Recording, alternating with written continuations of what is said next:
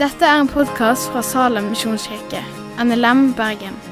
For mer informasjon om Salem, gå inn på salem.no.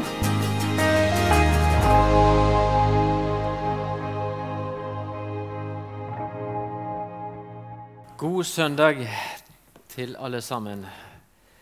Her i Salem så eh, må, jeg, eh, må vi ha lov til å si at vi har en ganske god reservebenk. Så når den taleren som skulle stått der, må kaste inn håndkleet i siste sving, så henter de litt ifra reservebenken. Så det, Derfor står jeg her i dag. Om noen lurte på Ja, det var en misforståelse. Vi er i, som det har vært introdusert, den, disse temaene knytta til visjonen vår. På, og Jeg er så gammel i Salem at jeg husker når vi begynte å snakke om visjonen, denne visjonen. Det var på begynnelsen av 2000-tallet. Så vokste det fram i forsamlingen et ønske, kanskje et behov, for å konkretisere hva er det som er Salem sitt kall. Vi er en del av Misjonssambandet. Og Misjonssambandet, som de kanskje fleste vet, så er verden for Kristus det overordna, store visjonen vi har. Og Det er ingen tvil om at den visjonen har i generasjoner eh, vært retningsgivende for hva fokus arbeidet vårt skal ha. Misjonssambandet har alltid sett oppover og utover landegrensene for å nå til endene av jorda. Og det er fortsatt noe som preger eh, også oss her i Salem. Men likevel kjente vi på at eh, det var et behov for å konkretisere hva betyr det for oss lokalt her. Hva betyr det verden for Kristus? Hvordan skal det se ut i Salem? Og Etter et grundig arbeid så kom vi altså fram til disse Vi har sett ned en komité selvfølgelig, som jobber med det. og etter grundig arbeid så kom de fram til disse fire ordene vinne, bevare, utruste og sende til Guds ære. Men en visjon kan fort bli en tom bli tømt for innhold eller en tom frase dersom vi ikke fornyer det innholdet som var tenkt innledningsvis. Og Det er derfor jeg nå har lyst til å løfte opp igjen og pusse støvet av denne visjonen. Hva er det som ligger bak disse kjerneordene 'vinne, bevare, utruste, sende til Guds ære'? Og Vi har altså kommet fram til 'bevare'. Sist søndag så hadde Sveinung Moi en god tale knytta til samme tema, men den gangen var, var, tematikken 'Hvordan bevarer Gud oss'? Om du ikke var sist søndag, så anbefaler jeg deg å gå inn på Salem sine hjemmesider og lytte til den talen. Da får du litt større helhet av det som jeg skal si i dag. For her, som de ser, hvordan bevare hverandre er det som skal være fokus i denne talen her. Og Det er to, to hovedpunkt som jeg har tenkt å stanse opp for. Det er helt klart mange ting vi kunne sagt om dette, men jeg håper at eh, de to punktene kan samle eh, en god del i, i tematikken som vi skal ta opp. Det første punktet handler om å tale til rette. Det andre punktet er det som vi ofte kaller for hverandre-tekstene, som vi finner en drøss av i Det nye testamentet. Hverandre-tekstene handler om det som skulle være liksom atmosfæren, klimaet, i vårt kristne fellesskap. Men før vi går løs på de to punktene, så må vi si litt om hva er det som skal bevares. Og hva er det hvis det skal bevares ifra? Um, jeg tror vi alle intuitivt forstår at er det noe vi vil bevare, så er det noe som har verdi. Det er noe vi setter høyt, det er noe vi verdsetter. Og det som vi vil bevare,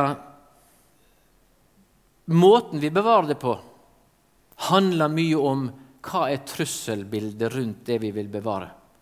Hvis det er mat, så vet vi at det er bakterier og alt det der. Er det andre ting, så er det andre trusselfaktorer som kommer inn og truer det jeg ønsker å bevare. Det blir ikke bevart av seg sjøl. Vi må ta hensyn til det, vi må omslutte det med omtanke og sette vern rundt det, slik at ikke det blir ødelagt eller tatt ifra oss. Ordspråkene sier i kapittel 4, vers 23.: Ta vare på hjertet framfor alt, for livet går ut fra det. Bevar ditt hjerte, som det heter kanskje mer på bokmål. Ta vare på hjertet framfor alt, for livet går ut fra det. Bibelen sier at hjertet ditt, det er all grunn til å ta vare på. Og Guds ord forteller oss at trua vår og håp om himmelen er en dyrebar skatt som ligger i vårt hjerte. Det snakket Sveinung en del om sist søndag. Men hva er trusselbildet? Hva er, hva er det som truer mitt hjerte? Hva er trusselbildet? Hva er det jeg må være på vakt overfor? Jesus ber i sin øversteprestelige bønn i Johannes 17, 15. Jeg ber ikke at du skal ta deg ut av verden, men at du må vare deg fra det vonde. At du må bevare deg fra det onde. 2. Tessalonika-brev 3.3.: Men Herren er trufast, Han skal styrke dykk og vare dykk, eller bevare dykk, fra det vonde. Og i Fader vår så ber vi frels oss fra det vonde. Bibelen sier at det onde, eller den onde, er den trussel som mitt hjerte er eksponert for, som kan frarøve meg den skatten og den trua som Gud har gitt meg. Trua på Jesus Kristus kan bli frarøvet meg av det onde eller den onde. 1. Peter 5, 8. Vær edru og vak. Motstanderen dykkar, djevelen, går omkring som ei brølende løve og leiter etter noen å sluke.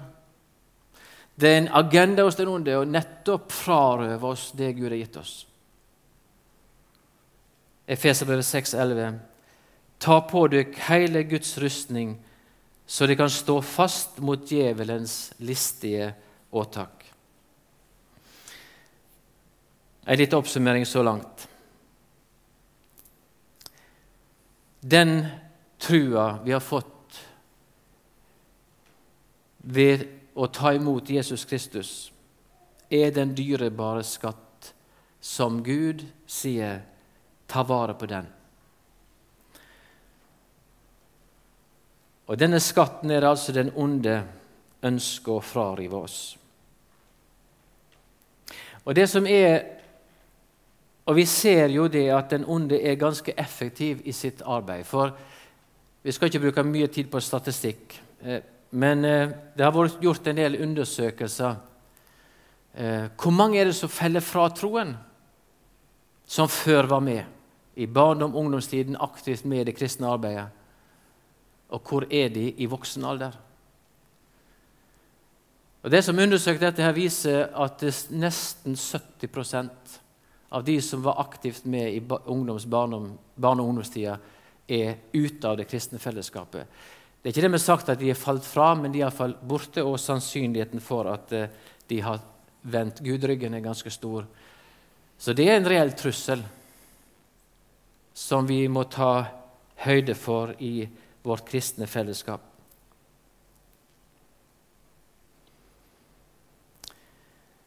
Og så er altså spørsmålet vi står overfor i dag, i temaet vårt i dag, hvordan kan vi ta vare på hverandre? Gud er den som holder oss fast, men det ligger også et ansvar i det kristne fellesskapet å ta vare på. Jeg sa innledningsvis det er to hovedpunkt som vi skal stanse litt for. Og La oss ta det som er kanskje eh, mest ubehagelig eller litt sånn utrøblete å eh, fokusere på, det å tale til rette eller advare. Men det er en tematikk i Skriften som, som nettopp er gitt til det kristne fellesskapet, eh, og et ansvar som ligger på oss. I Esekiel 3,21 så står det om du åtvarer den rettferdige mot å synde, og han ikke synder mer, Da skal han leve fordi han let seg åtvare, og du har berga livet.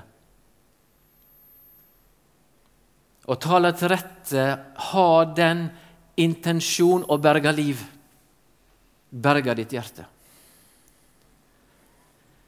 Lukas 17, 17,3. Ta dykk i vare, synder bror din, så tal han til rette, og angrer han, så tilgi han. Vi finner det samme i Matteus 18, 15. Synder bror din, og det er tatt med et ledd som heter 'mot deg', så gå til han og still han til ansvar på tomannshånd. Hører han på deg, har du vunnet bror din. Vi kan selvfølgelig forstå denne tala til rette advarsel som er liksom en åpen dør eller blankofullmakt til et overformynderi i kristne, kristne fellesskapet. Um, Stakkar den som synder, da kommer vi og tar deg kan fort være det inntrykket som en får. I vår kultur så har den kristne tro kanskje blitt mer og mer et privat område. Ingen skal bry seg hvordan jeg tenker og tror. Det har ikke du noe med. Fei for din egen dør er setninger vi kan høre. Hvordan jeg lever ut min kristne tro, det har ikke du noe med. Og I en sånn kultur så er det ikke helt lett å komme til rette med det å tale til rette. Men dersom vi forstår litt mer av trusselbildet, som jeg har prøvd å male for dere, at det er den onde sjøl som er ute til å ta livet, ditt åndelige liv, så forstår vi kanskje òg at det er nødvendig at vi taler til rette og advarer. Vi kjenner sikkert alle beretningene om David og Batseba. Gud sender profeten Natan til David for å tale han til rette. Og det er ganske direkte. Om det skjer på tomannshånd, det vet vi ikke helt.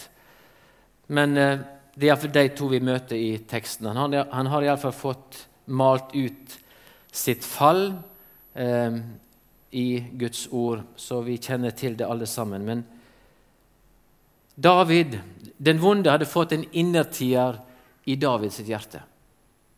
Ingen tvil om det. Og David var i full galopp nedover en bakke inn i det som kunne fort ha ført til et frafall. Nathan taler han til rette, og David vender om. Og Han beskriver det sjøl i Salme 32, 3-5. Så lenge jeg tagde, tærdes beina i kroppen bort. Men jeg stønna hele dagen, for dag og natt lå de hand på meg.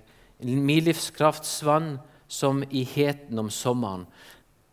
Og Det tror jeg den som har gått og båret og, og lagt lokk på det som har gått galt, det som av Guds ord blir kalla for synd, har kjent noe på denne ufriheten, frimodigheten som forsvinner.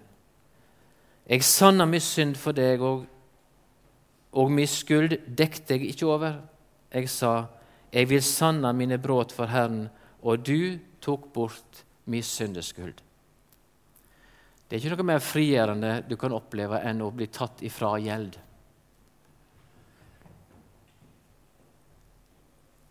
Og Jakob 5, 16 sier det sånn Vedkjenn da syndene for hverandre og be for hverandre så de kan bli lekte.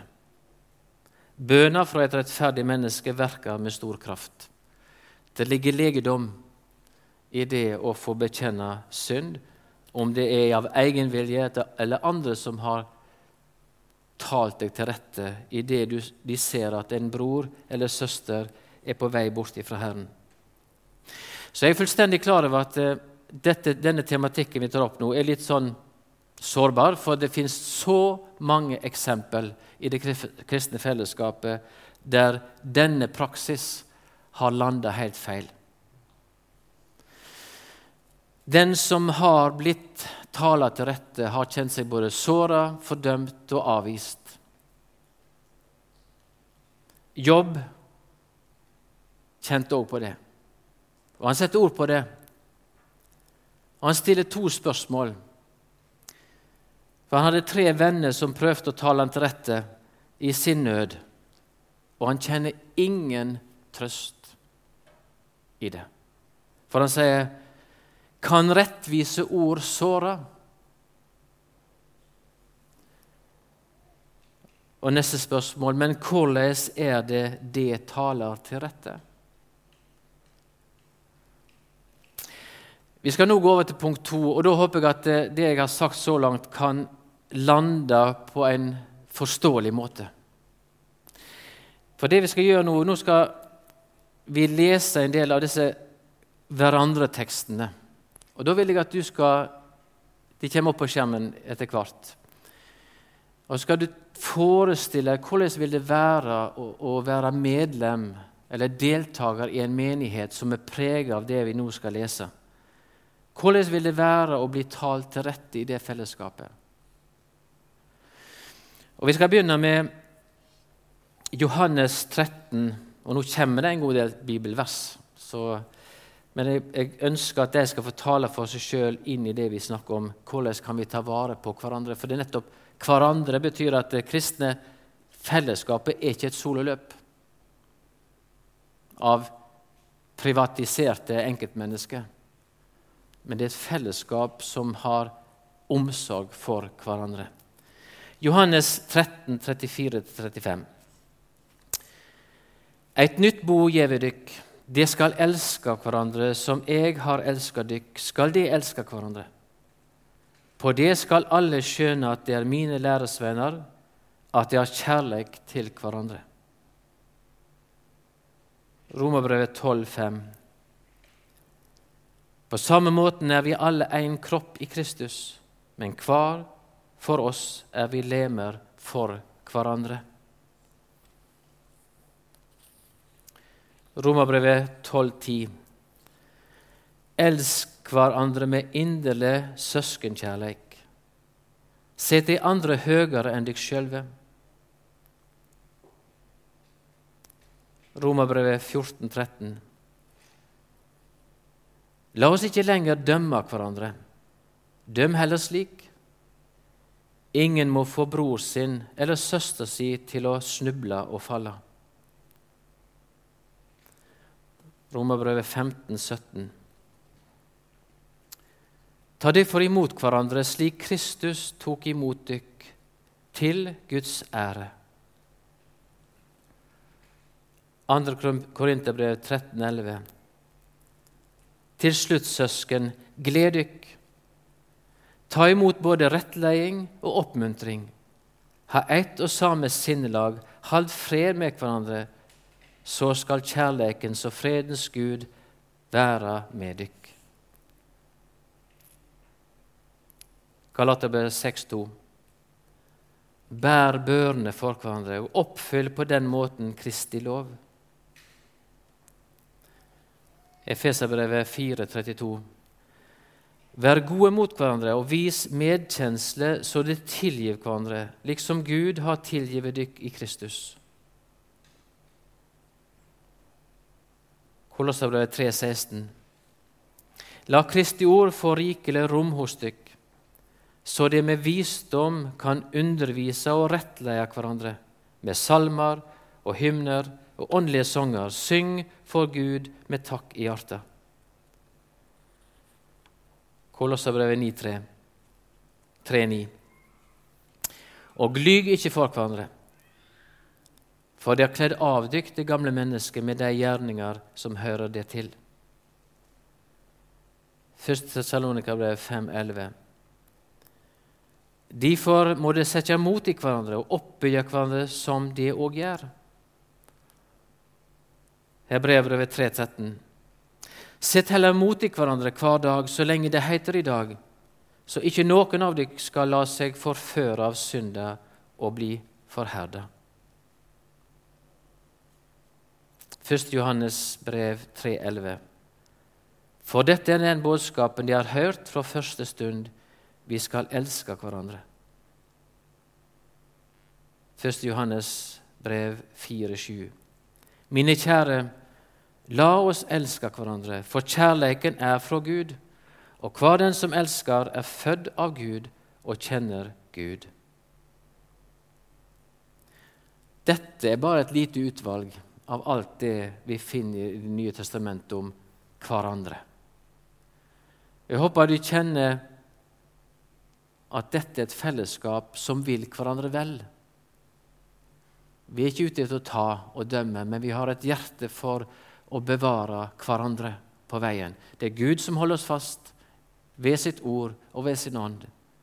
Men vi har fått et ansvar i fellesskapet å nøre opp under hverandre, elske hverandre, slik at de ikke blir likegyldige til min brors frafall. Det kristne fellesskapet er konstruert for å bevare. Det gjelder enten det store fellesskapet eller små fellesskapet eller heimen vår. Så er det kristne ånd ei bevarende ånd. Og når det fungerer slik Gud designer det til å fungere, så er det bevarende. Og det gir Eh, det gir gode vekstvilkår for det åndelige liv.